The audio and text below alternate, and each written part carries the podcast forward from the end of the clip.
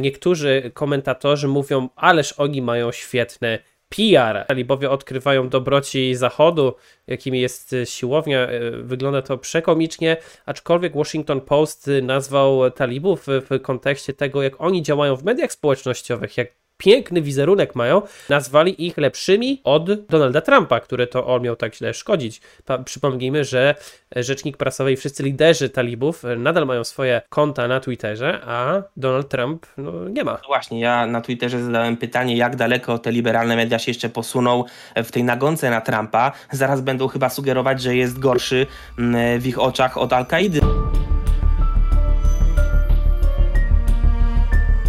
Witam Cię w podcaście Niepoprawny Dyplomata. Ja jestem Mikołaj Wąski-Teperek, a ten podcast jest o tematyce dyplomacji, stosunków międzynarodowych z naciskiem na kulturę oraz politykę Stanów Zjednoczonych. Mam nadzieję, że wspólnie dowiemy się czegoś ciekawego oraz nowego. Zapraszam do odsłuchu.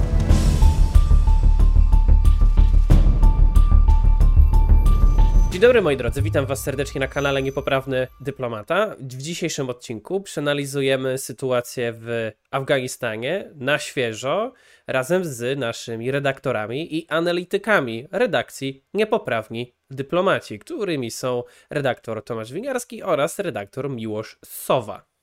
Cześć, witajcie. Cześć. Ja nazywam się Mikołaj Wąski-Teperek. E, założyliśmy ten kanał e, e, razem z wami właśnie po to, aby dyskutować na początku o wielu sprawach podróżniczych przecież, a teraz jak widzicie przerodziliśmy się w podcast, w redakcję. Jak wiecie, są różne okoliczności i nie zawsze da się być na czas. Ja jestem zakatarzony jak skurczybyk, chociaż cały czas obserwowaliśmy, co w Afganistanie się dzieje, bo przecież ten kanał Niepoprawny Dyplomata jest właśnie o dyplomacji, stosunkach międzynarodowych, ale także oczywiście o polityce amerykańskiej, bo panowie się Ameryką fa fascynują i jest to ich e, konik, jak także i mój zresztą. Jak widzicie, redakcja się powiększa. E, sprzętu coraz e, więcej, także wybaczcie, każda redakcja ma swoje fakapy, swoje opóźnienia, ale także dzięki Wam się przecież rozwijamy. Jeżeli chcecie wesprzeć naszą redakcję, macie do tego sposobność na Patronajcie. Na Patronajcie dzięki temu będzie nas coraz więcej i analizy będą pojawiać się częściej a my zapraszamy także na cotygodniowe live podsumowujące tydzień, zazwyczaj w niedzielę wieczorem. Moi drodzy, jak zresztą po tytule e, widzicie, porozmawiamy o tajnych aneksach Trumpa, które mogą okazać się kluczowe i nie widziałem nigdzie w mediach polskich w szczególności, a tych analiz widziałem już naprawdę bardzo e, dużo. Różnych podcastów, e, tak, nawet naszej konkurencji ale nikt nie powiedział o e, utajnionych dokumentach, które przecież e, są dość istotne. Jak miało wyglądać wyjście e, USA z Afganistanu. Jak wygląda ono teraz za prezydentury Bidena, chyba wszyscy wiemy. Totalny chaos, destrukcja i co najśmieszniejsze i najdziwniejsze, moi drodzy, e, to news z Twittera, który znalazłem i oczywiście opublikowałem go na naszym Twitterze. Od razu polecam nasze Twittery. E, redaktor Miłosz Sowa założył Twitter dopiero co dołączył do nas więc zapraszamy, żebyście nadgonili także jego wpisy. Jak nie nagrywamy, to tweetujemy i jesteśmy obecni na innych mediach e, społecznościowych. I co ja napisałem? Napisałem, że no, dość ostro. Biden i Harris są bezpośrednio odpowiedzialni za bajzel w Afganistanie, ponieważ rozkazy szły z góry, łącznie z usunięciem planu Trumpa i usunięciem jego sztabu kryzysowego w Departamencie Stanu. A co najlepsze, w trakcie, gdy służby francuskie i brytyjskie, między innymi najsłynniejsze na całym świecie służby specjalne SAS i SBS, coś jak amerykańskie Navy SEAL 6 i Delta wchodzą, wychodzą z lotniska w Kabulu do swoich ambasad, aby eskortować także swoich, e, swój personel, ale także swoich sojuszników. To Stany Zjednoczone i roza, za rozkazem Bidena stoją i nic nie robią. 7 tysięcy amerykańskich żołnierzy w Afganistanie stoją, obserwują. W tym czasie zaledwie garstka Francuzów przedostała się poza. E, tutaj są oczywiście wszystkie źródła, które możecie e, zobaczyć w tym temacie. I co my się zawsze śmiejemy w Polsce, że Francuzi to przecież ci, którzy tylko się wycofywali z II wojny światowej, a ich czołgi mają tylko jeden bieg, bieg do tyłu. To tutaj znajdziecie także zdjęcia e, z tego, jak ta operacja wyglądała. Jak widzicie, Francuzi działają. Polacy? To, y, gdzie są Polacy w tym czasie? Wiemy, że ambasady w Kabulu Polacy już nie mają od 2014 roku. Dekretem Radosława Sikorskiego, ówczesnego ministra spraw zagranicznych, w pewnym sensie nasi dyplomaci wycofali się z Afganistanu, ale teraz pod presją prasy, trzeba to powiedzieć, Polacy wysłali parę samo samolotów.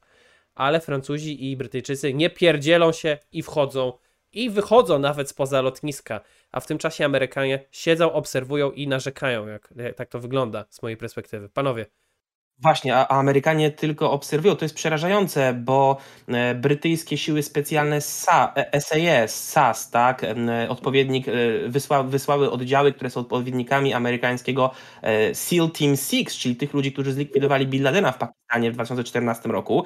Amerykanie wysłali w sumie łącznie 7 tysięcy żołnierzy do ochrony właśnie międzynarodowego lotniska w Kabulu i tej całej ewakuacji amerykańskiej, ale Joe Biden y, zakazał amerykańskim żołnierzom opuszczania rejonu lotniska, więc oni nie przeprowadzają operacji ratunkowych y, w poszczególnych miejscach, y, rejonach Kabulu, żeby na przykład wydobyć uwięzionych tam obywateli USA i ich sojuszników a robią to siły specjalne francuskie, jak Mikołaj powiedział, siły specjalne Wielkiej Brytanii. To jest I trochę także przerażające, Hiszpanie, bo... nawet Hiszpanie, zobaczcie. Także Hiszpanie. I tutaj komentują wam... A400M 50, przynajmniej 50 Afgańczyków z Kabulu zabrali do Dubaju. Proszę bardzo. Nawet Hiszpania. Już, już nie wspominamy o Czechach i o Słowakach w tym samym czasie, kiedy Francuzi, Brytyjczycy i Hiszpanie robią te, te mm, brawurowe akcje komandosów, e, amerykańska placówka dyplomatyczna w Kabulu, która operuje obecnie z terytorium lotniska, e, wy, wystosowuje komunikat. E, rząd Stanów Zjednoczonych nie jest w stanie zapewnić bezpiecznego przejścia e, swoim obywatelom na teren lotniska Inter, e, Hamid Karzai International Airport w Kabulu. No to jest po prostu blamasz całkowity.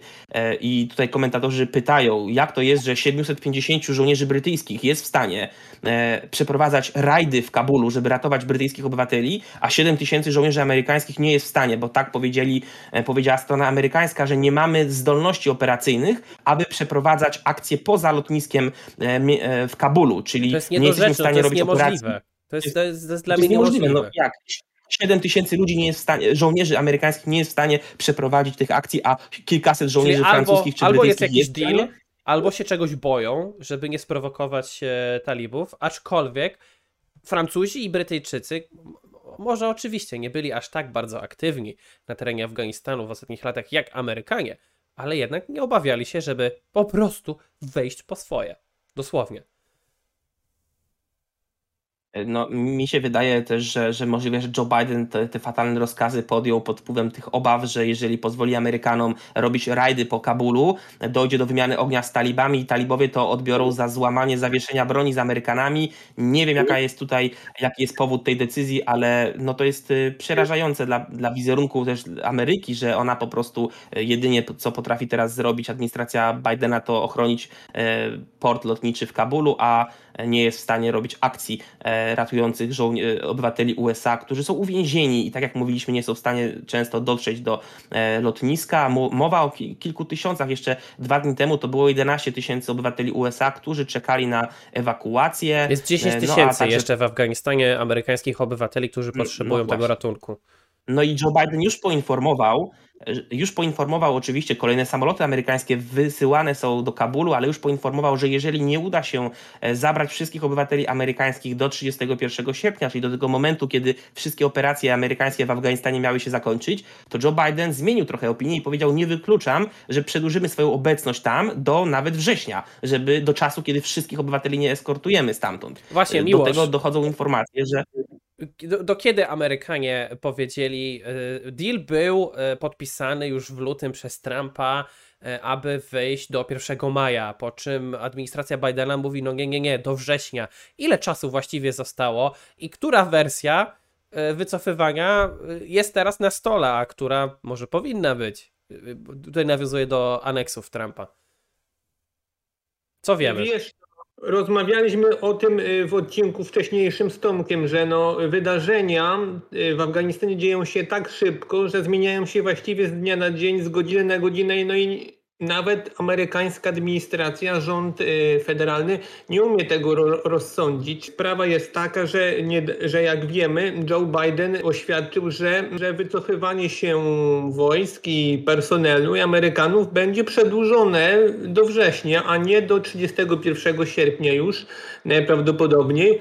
A biorąc y, pod uwagę tempo, w jakim jest to robione i jak USA i reakcja, jaka jest w USA w Afganistanie, że stoją tylko na tym lotnisku i nic nie robią, a inne kraje coś robią, no to uważam, że może się ten termin nawet znacząco wydłużyć. I o tym też mówił parę dni temu, pamiętam, na konferencji prasowej rzecznik prasowy Departamentu Obrony, który pytany o to, co będzie po 31 sierpnia, odpowiedział, że nie wie, że dopiero będą y, planować i już dochodzimy do tego, że po kilku dniach mamy już, mamy już jakieś pierwsze plany, co będzie po tym 31 sierpnia. Czemu te dokumenty są e, utajnione, Tomaszu? I czemu nikt o nich nie mówi, a my tutaj w redakcji, no właśnie je odkryliśmy w pewnym sensie. Jakby, co wiemy z tych dokumentów, czego nie wiemy? Dokładnie, zacznijmy od początku. 29 lutego 2020 roku administracja Trumpa podpisuje porozumienie z talibami e, co do wycofania wojsk amerykańskich i tego, jak ma wyglądać przyszłość Afganistanu. I w tym porozumieniu mm, mamy mieliśmy od, od początku pewne rzeczy, które były do wiadomości publicznej udostępnione, a za chwilę przejdę do tych tajnych aneksów. Do wiadomości publicznej były udostępnione takie warunki, jak talibowie mają e, przestać współpracować z terrorystami, mają e, zgodzić się wyłonić przyszłość Afganistanu, nie na drodze walki z rządem afgańskim, a na drodze pertraktacji, które odbywały się chociażby w, e, właśnie w Doszy pomiędzy ówczesnym e, jeszcze e, prezydentem Ghanim, e, czyli, czyli prezydentem Afganistanu, a przywódcami talibów. No ale właśnie Pytanie, czy talibowie te znane nam e, wymogi porozumienia spełniali, no bo cały czas Donald Trump informował, że podpisanie tego porozumienia to jest sukces i trzeba wychodzić jak najszybciej, jak najszybciej z tego Afganistanu ale kilka mm, zapisów tych porozumień zostało utajnionych. E, no i e, właśnie pytanie, dlaczego zostały utajnione i co one zawierają. E, rąbka tajemnicy uchyliła kongresmenka Liz Cheney z Partii e, Republikańskiej, e, która, mm, która powiedziała, że to te aneksy, które, które miała okazję czytać, są problematyczne. I właśnie, one zakładały bardzo ważną rzecz, czyli mianowicie to, że wycofanie wojsk amerykańskich z Afganistanu będzie uzależnione od y, działań talibów przeciwko Al-Kaidzie i innym grupom terrorystycznym, e, które mogą Stanom Zjednoczonym i ich sojusznikom zagrażać. E, I to powiedział Trump oficjalnie w przemówieniu, więc to jeszcze było, mm, to jeszcze było jakby publicznie wiadome, że to jest bardzo ważny warunek, czyli koniec pomocy talibów dla Al-Kaidy. E, przypomnijmy tylko, to była główna, e, główny powód inwazji amerykańskiej na Afganistan, czyli zniszczenie siatek terrorystycznych Al-Kaidy i spowodowanie, żeby Afganistan przestał być bezpieczną oazą dla terrorystów. E, no tylko, że mm, o czym już administracja amerykańska ani Trumpa, ani Bidena nie wspomniała obywatelom, no to jest to, że e, był, były raporty e, Generalnego Inspektora Departamentu Obrony, które już były upublicznione, w sensie były na biurku prezydenta Trumpa w momencie, kiedy USA podpisywało to porozumienie z talibami. No i te y, raporty wskazywały, że no niestety, ale talibowie w dalszym ciągu wspierają Al-Kaidę i inne organizacje terrorystyczne i to się dzieje do tej pory. Więc talibowie łamią po prostu mm, założenia tego porozumienia, no a to teoretycznie dawałoby siłom amerykańskim pretekst do zerwania tych porozumień i powiedzenia, no to w takim razie zostajemy z naszą obecnością militarną dłużej, bo wy sami łamiecie porozumienie, tak? No, to wydaje mi się mało prawdopodobne z powodu tego, że sam Trump, sam Biden chcieli tego e, wyjścia. Amerykańskie społeczeństwo tak 50-50 z tego co pamiętam z różnych sondaży.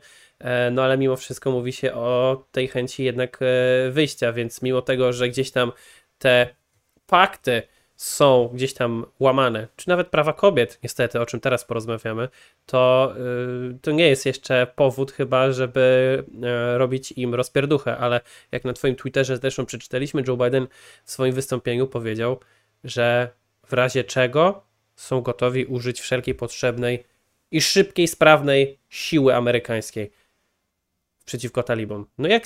Ja to skomentowałem na Twitterze, że wtedy Biden przez ten, kiedy to mówił o użyciu siły w sytuacji, kiedy włos spadnie, spadnie jakiemuś obywatelowi amerykańskiemu z głowy, że z całą mocą odpowie Ameryka, no to ja powiedziałem przez chwilę, widziałem przy tym prezydenckim pulpicie republikanina, bo to faktycznie było takie przemówienie wtedy przez ten, przez ten moment trochę w stylu e, amerykańskich jastrzębi, e, mm, więc, więc za, to, za to akurat Bidena pochwaliłem, no ale mm, oczywiście y, ciężko go chwalić e, ogólnie za sposób, w jaki wychodzi z Afganistanu, bo to jest, jak powiedziałem, całkowity blamasz, a jego przemówienie, chociaż miało kilka mocnych momentów, to zostało bardzo e, intensywnie skrytykowane także przez liberalnych dziennikarzy. E, Jake Tapper, dziennikarz CNN-u powiedział, że Biden e, wskazuje palcami winnych wszędzie, tylko nie, nie potrafi wskazać e, winy samego siebie i uderzyć się w piersi. I to jest też prawda. Ale pytałeś Mikołaju na początku, co jeszcze było w tych tajnych aneksach, które właśnie wam teraz e, upubliczniamy. No to było między innymi to, że no to, to informację przekazał właśnie e, przewodniczący połączonych szefów sztabów, generał Mark Miley i on powiedział to Senackiej Komisji Sił Zbrojnych. On powiedział tak, talibowie w tych tajnych aneksach zobowiązali się, że nie będą atakować wojsk amerykańskich i sił koalicyjnych, ani nie będą przeprowadzać żadnych innych zakrojonych na szerszą e, skalę ataków, w tym e, ataków na 34 stolice afgańskich prowincji, czyli te największe miasta Afganistanu. Ale właśnie to się dzieje na naszych oczach, bo nie dość, że zajęli te wielkie miasta, to przeprowadzili także inwazję na Kabul, można powiedzieć, czyli wprost złamali te, e, te porozumienia.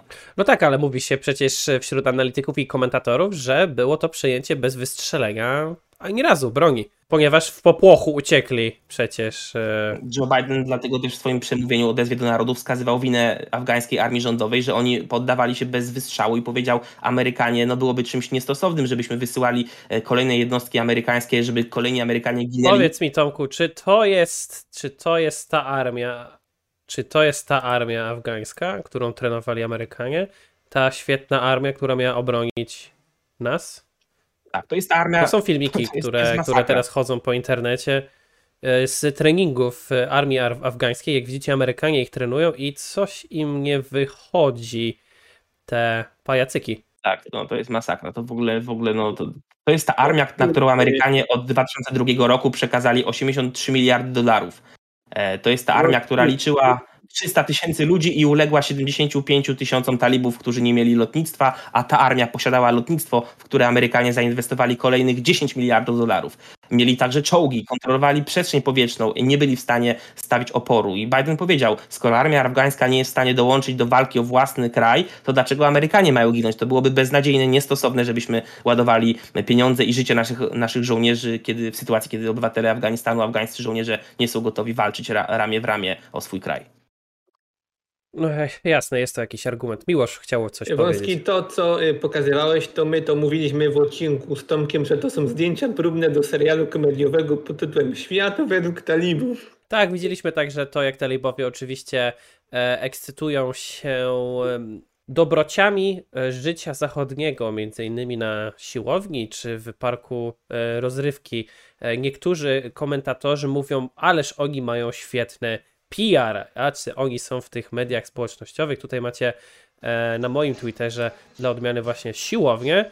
E, talibowie odkrywają dobroci Zachodu, jakimi jest siłownia. E, wygląda to przekomicznie, aczkolwiek Washington Post nazwał talibów w kontekście tego, jak oni działają w mediach społecznościowych, jak piękny wizerunek mają, nazwali ich lepsz, lepszych, lepszymi od Donalda Trumpa, który to on miał tak źle szkodzić. Pa, przypomnijmy, że rzecznik prasowy i wszyscy liderzy talibów nadal mają swoje konta na Twitterze, a Donald Trump no, nie ma. No właśnie, ja na Twitterze zadałem pytanie, jak daleko te liberalne media się jeszcze posuną w tej nagonce na Trumpa. Zaraz będą chyba sugerować, że jest gorszy mm, w ich oczach od Al-Kaidy, no bo faktycznie twierdzenie, że działania talibów w social mediach są e, sophisticated, wysublimowane takie i, i przede wszystkim oni jeszcze e, twierdzili w, swoim, w swojej publikacji The Washington Post twierdził, że e, no te grupy talibów w mediach społecznościowych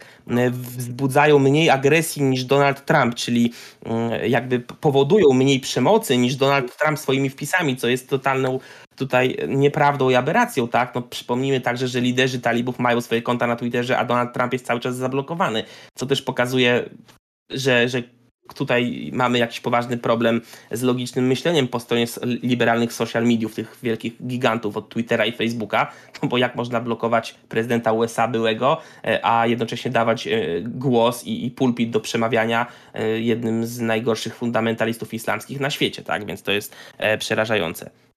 No dobra, czyli co? Trump, Trumpa plan miał wyglądać inaczej, przynajmniej jego wykonanie.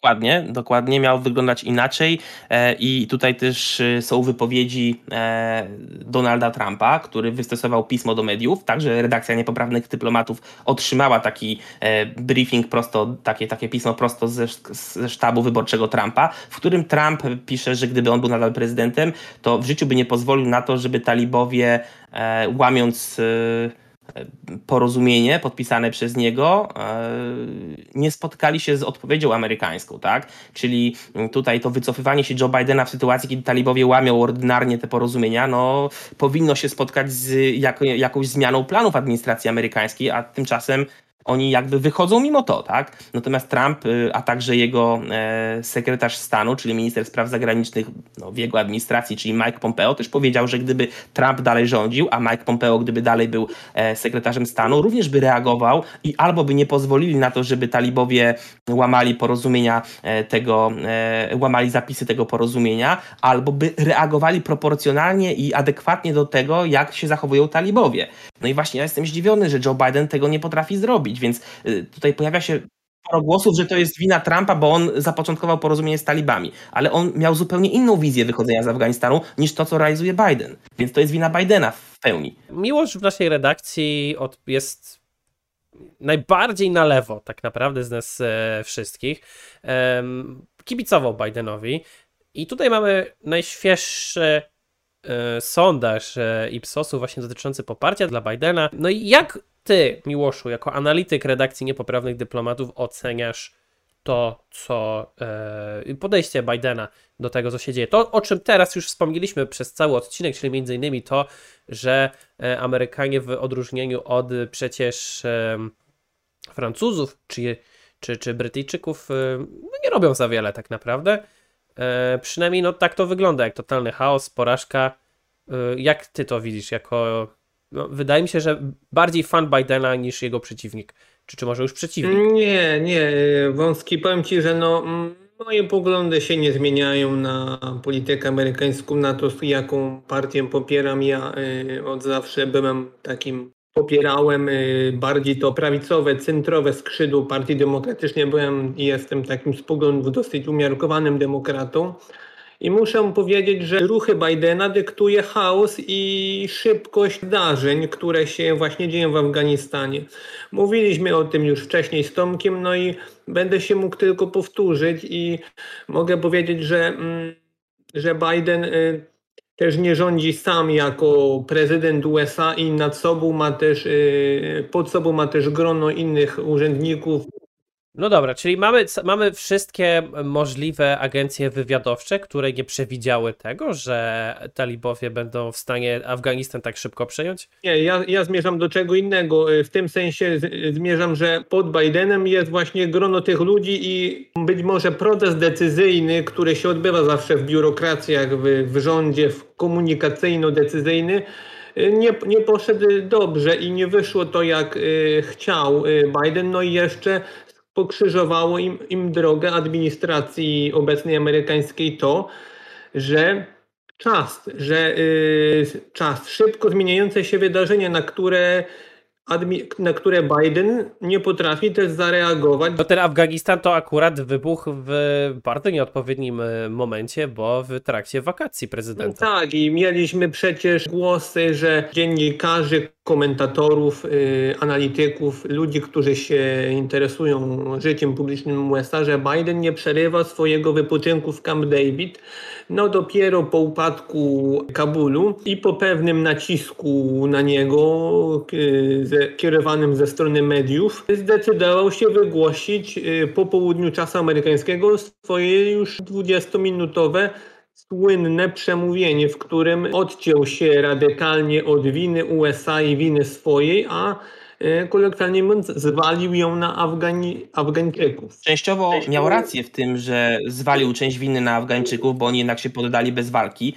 Mowa o armii Afganistanu, ale oczywiście no, ciężko, żeby na tym poprzestać, bo także Joe Biden zawalił miesiące zanim wydarzyły się te sierpniowe wydarzenia w, w Kabulu, no to już miesiące wcześniej mamy informację, że Joe Biden e, razem z Kamalą Harris wygasili e, specjalne biuro w Departamencie Stanu stworzone przez administrację Donalda Trumpa, które to biuro e, to było biuro do spraw reagowania kryzysowego. Jego celem było koordynowanie logistyczne tego typu operacji w sytuacji nieprzewidzianych kryzysów, które by się rozgrywały poza granicami USA.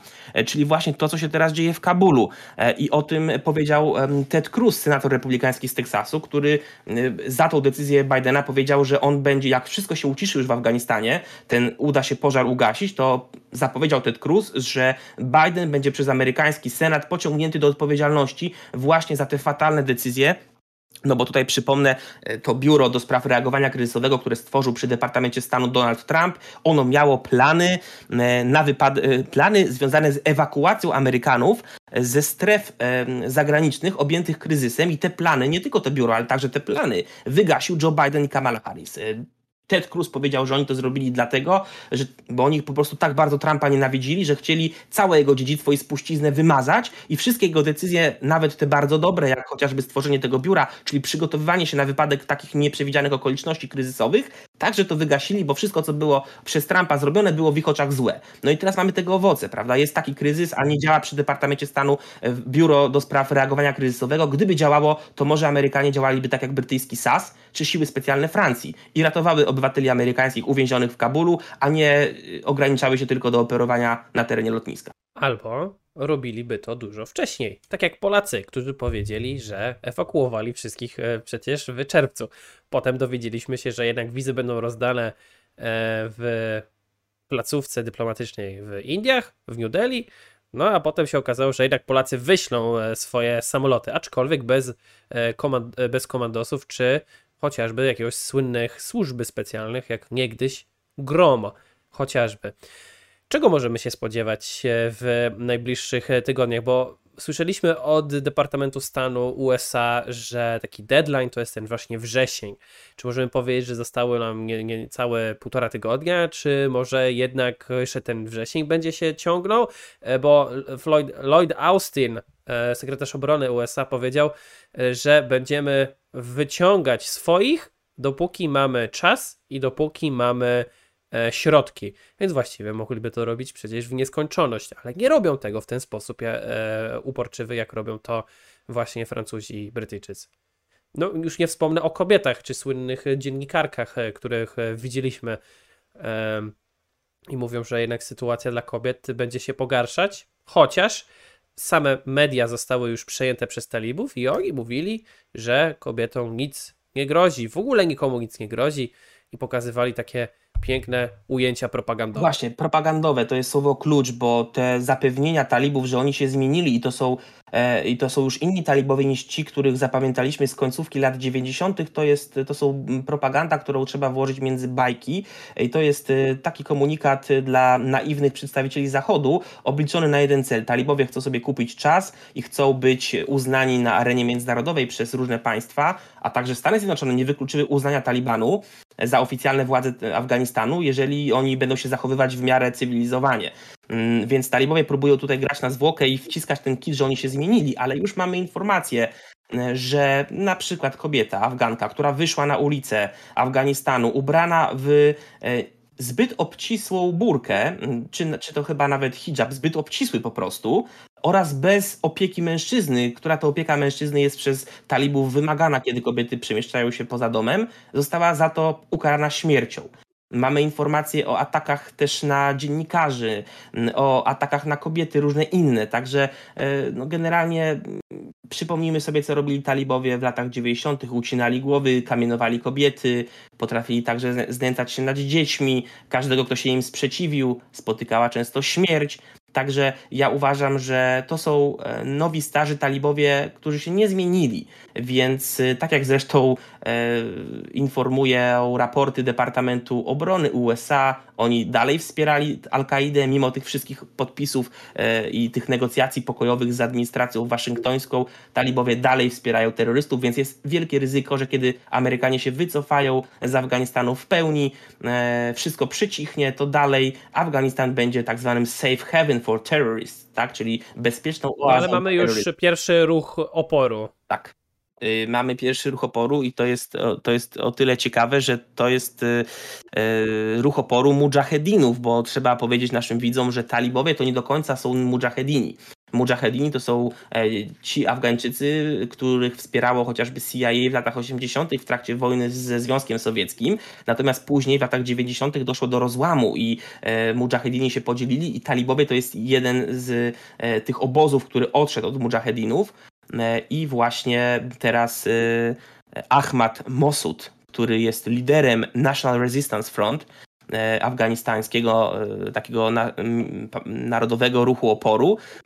On, on napisał artykuł dla The Washington Post, w którym pisze, że od 20 lat gromadziliśmy, my jako mujahedini, pisze, pisze pan Mossad, gromadziliśmy broń i amunicję ukryci w górach, w jaskiniach i teraz jesteśmy gotowi wyjść i walczyć o Afganistan przeciwko talibom i prosimy Amerykę, aby się nie odwracała od, do nas plecami, tylko udzieliła nam wsparcia. No, on prosi trochę o niemożliwe, bo oceniając sytuację polityczną i geostrategiczną amerykańską obecnie, no, nie ma szans moim zdaniem, żeby Joe Biden zdecydował się ponownie wkroczyć jakkolwiek militarnie na, na, na większą skalę do Afganistanu i wesprzeć tych mujahedinów, którzy chcą stawiać opór właśnie talibom. E, no ale generalnie e, generalnie jest taki no ale oczywiście dwie najważniejsze ambasady, dla przypomnienia, które chociażby nie ewakuowały się, to jest ambasada chińska, czy no właśnie rosyjska. W lipcu a, przedstawiciele talibów spotykali się zresztą z y, szefem chińskiego MSZ, Ministerstwa Spraw Zagranicznych Chin już negocjowali. Talibowie także wcześniej e, powiedzieli, że Chiny są krajem przyjaznym, e, a sami Chińczycy próbują się z nimi dogadać, chociaż na początku wyrażali zaniepokojenie tą decyzją amerykańską o tym, żeby się szybko z Afganistanu wycofać, bo obawiając się tego, że Afganistan pogrąży się w chaosie, no a to nie do końca byłoby też pomyśli Chin, no ale Chiny, że tak powiem, grają na dwa fronty w tej kwestii. Do polskich mediów przebiło się dosyć głośnym echem wypowiedź e, przedstawicieli talibów, że, że nie będzie demokracji w Afganistanie i że ustrojem będzie yy, prawo sharia. Więc to, to jedno zdanie podsumowuje właściwie całą tą dyskusję, którą tutaj toczymy. No, Afganistan po prostu będzie krajem takiego radykalnego islamu. No właśnie, i to, i to o tym słyszymy cały czas. To się będzie prawdopodobnie działo. Ja jestem tylko ciekaw, czy e, no właśnie te prawa kobiet, no i, i, oczywiście uchodźcy, to jest coś, co już kraje, e, które e, odrobiły lekcję 2015 roku, jak chociażby Sebastian Kurz z Austrii, e, czy właśnie inne kraje, które e, gdzieś tych uchodźców się, e, bardziej nielegalnych imigrantów, e, obawiali i nie są już tak skorzy na ich e, przyjmowanie, a tutaj się naciska właśnie i jest ta taka właśnie wojna hybrydowa, bo przecież jak szybko pojawili się pierwsi nielegalni imigranci na granicy białorusko-polskiej gdzie nie wiadomo, co z tym zrobić. Ludzie próbują to wykorzystać. Kraje nauczone po kryzysie z 2015 są bardzo sceptyczne co do tego właśnie takiego podejścia imigranckiego, no ale już także widzieliśmy, że niektóre ambasady bardzo fajnie to sprawdzały i, i Bundeswehra niemiecka zresztą mało, bo mało, ale jednak e, swoich współpracowników przysyłali. Czy możemy się właśnie spodziewać poza tym, że no mi się przynajmniej wydaje, mm, dajcie mi znać w komentarzu, moi drodzy, co myślicie, że e, sprawa dotycząca e, właśnie tego Afganistanu może wyglądać tak, że no, talibowie po prostu będą robili sobie taki hub e, terrorystyczny i sobie tam będą robić ten zachód w przyszłości gnębić. No bo czemu nie? Jak e, dłoń, to i ręka. Jak ręka, no to dawaj całe cielsko. Będziemy ciągnąć ten zachód i dalej. Jeżeli to się udało, to tym bardziej mogą się udawać e, słynne przecież e, terror czy to w różnych e, miastach, krajach europejskich, co także wykorzystywanie przez Rosję chociażby, czy Białoruś właśnie tego, no to nie chcecie wziąć imigrantów, bierzcie, bierzcie, co jest potencjalnym zagrożeniem do szpiegostwa, do właśnie potencjalnego e, podejścia terrorystów, to co kiedyś niechlubnie Donald Trump powiedział, they are rapists, they are coś tam i they are bad people i my tutaj nie chcemy ich u siebie. I już to społeczeństwo się rzeczywiście dzieli w E, także w Polsce, ale także w ogóle w Europie i w Stanach Zjednoczonych a propos tych uchodźców, to jest raz, a druga kwestia, no to kobiety. Gdzie są te feministki? No właśnie, mm, e, także mm, obrońcy mniejszości seksualnych, ambasada USA w Kabulu w lipcu chyba na swoim profilu na Facebooku udostępniła flagę tęczową, e, no z takim wezwaniem, żeby przestrzegać praw mniejszości seksualnych. I, I, jak to wygląda w kontekście realnego działania? Amerykańska administracja potrafi w pięknych słowach ubierać mm, swoje komunikaty na Facebooku o tolerancji, o potrzebie e, ochrony osób LGBT, ich praw, a co robią później? Uciekają z Afganistanu tak szybko, że mm, narażają wszystkich homoseksualistów, społeczność LGBT na wielkie represje ze strony talibów, a także powiedzmy wprost kobiety będą miały tam zgotowane piekło, co już widać e, trochę na e, przykładzie reportażu, który dla telewizji CNN przygotowała korespondentka z Afganistanu, e, pani redaktor Clarissa Ward. Ona jest tam widziana w, w hijabie i, i rozmawia z talibami i relacjonuje do kamery w ten sposób.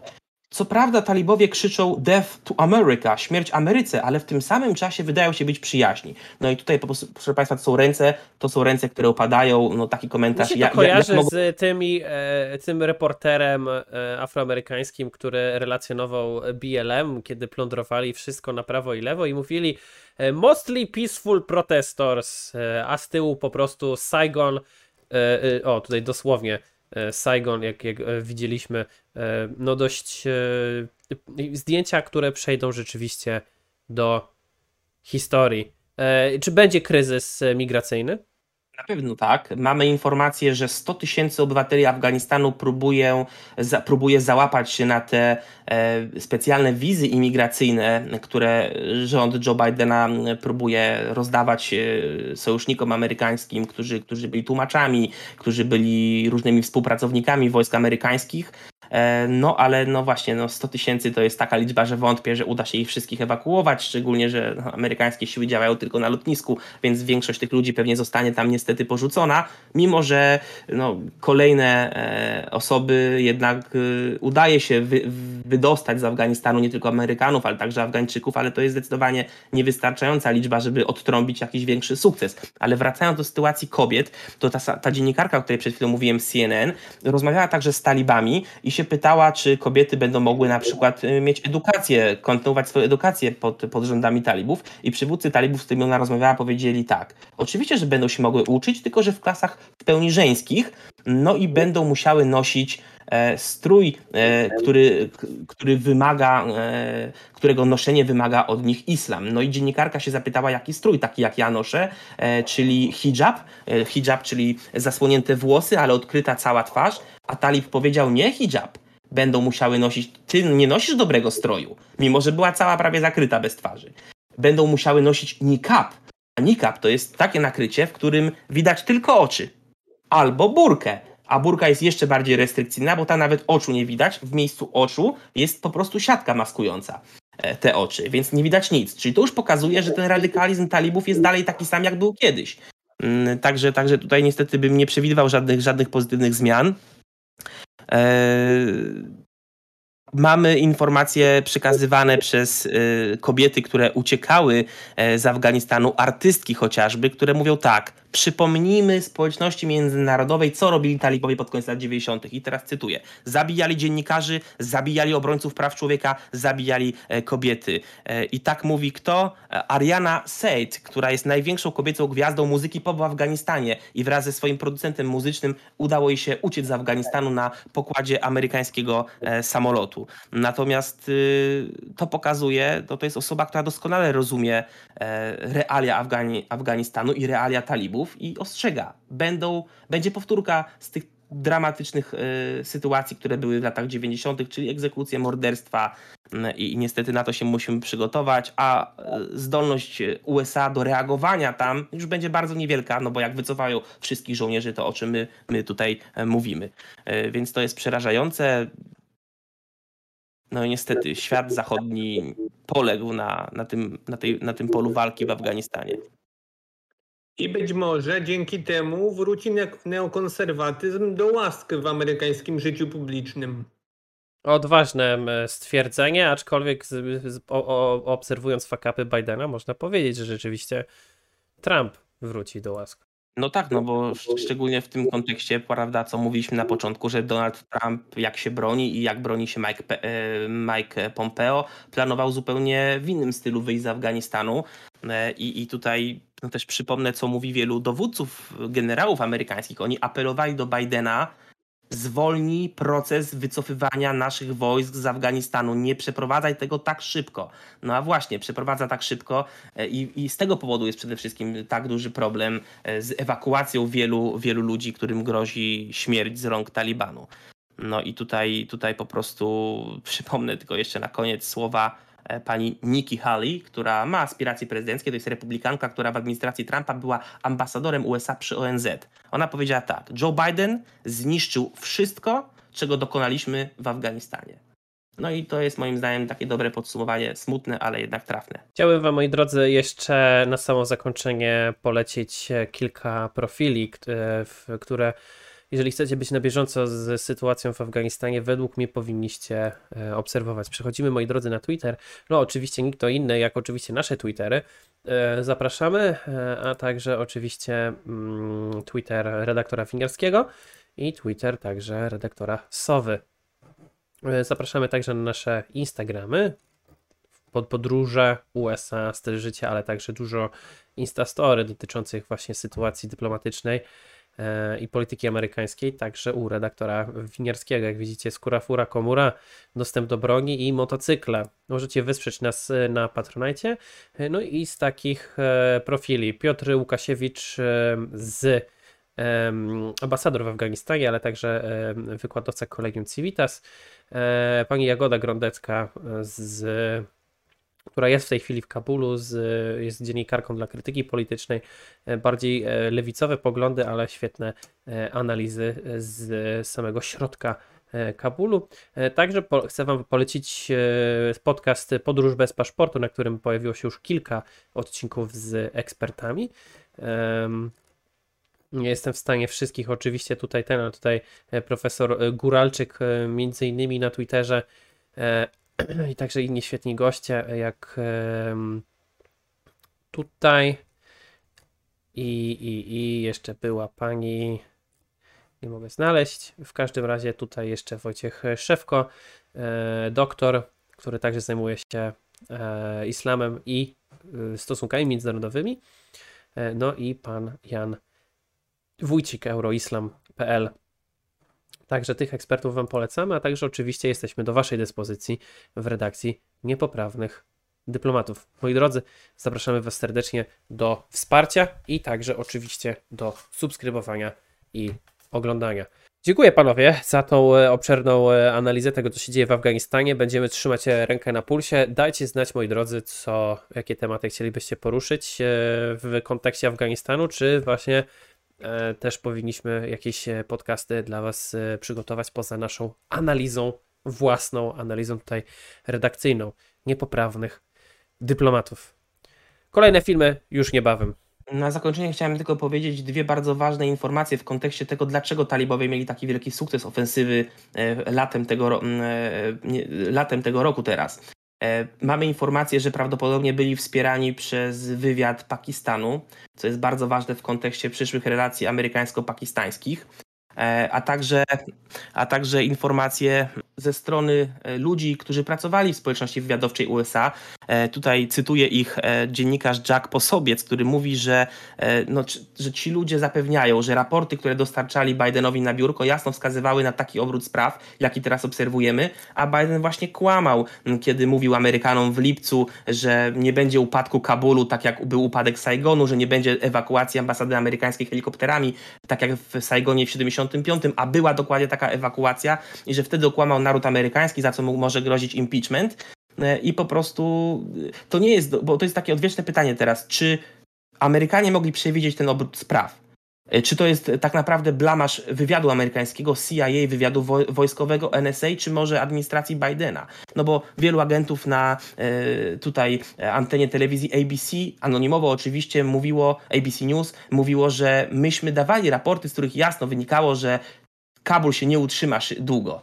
A Biden je po prostu lekceważył i nikt nie chciał tego słuchać w jego administracji. No więc to jest też pytanie, na które prawdopodobnie będzie, będzie sobie musiał odpowiedzieć amerykański kongres, co dalej w tej sytuacji, bo prawdopodobnie trzeba będzie jakąś komisję śledczą powołać. Co wy uważacie będzie dalej ze sprawą Afganistanu? Piszcie, komentujcie. Zapraszamy do dyskusji także na naszym Discordzie i grupie na Facebooku Elektorat Wąskiego. No i cóż, obserwujcie także wszystkie nasze profile bo zanim taki podcast nagramy, zmontujemy, przygotujemy, to wszystkie takie szybkie wrzuty znajdziecie na mediach społecznościowych. Linki znajdziecie w opisie tego i każdego filmu. Do zobaczenia, do usłyszenia. Trzymajcie się na razie. Cześć. Siema. Do zobaczenia. Cześć.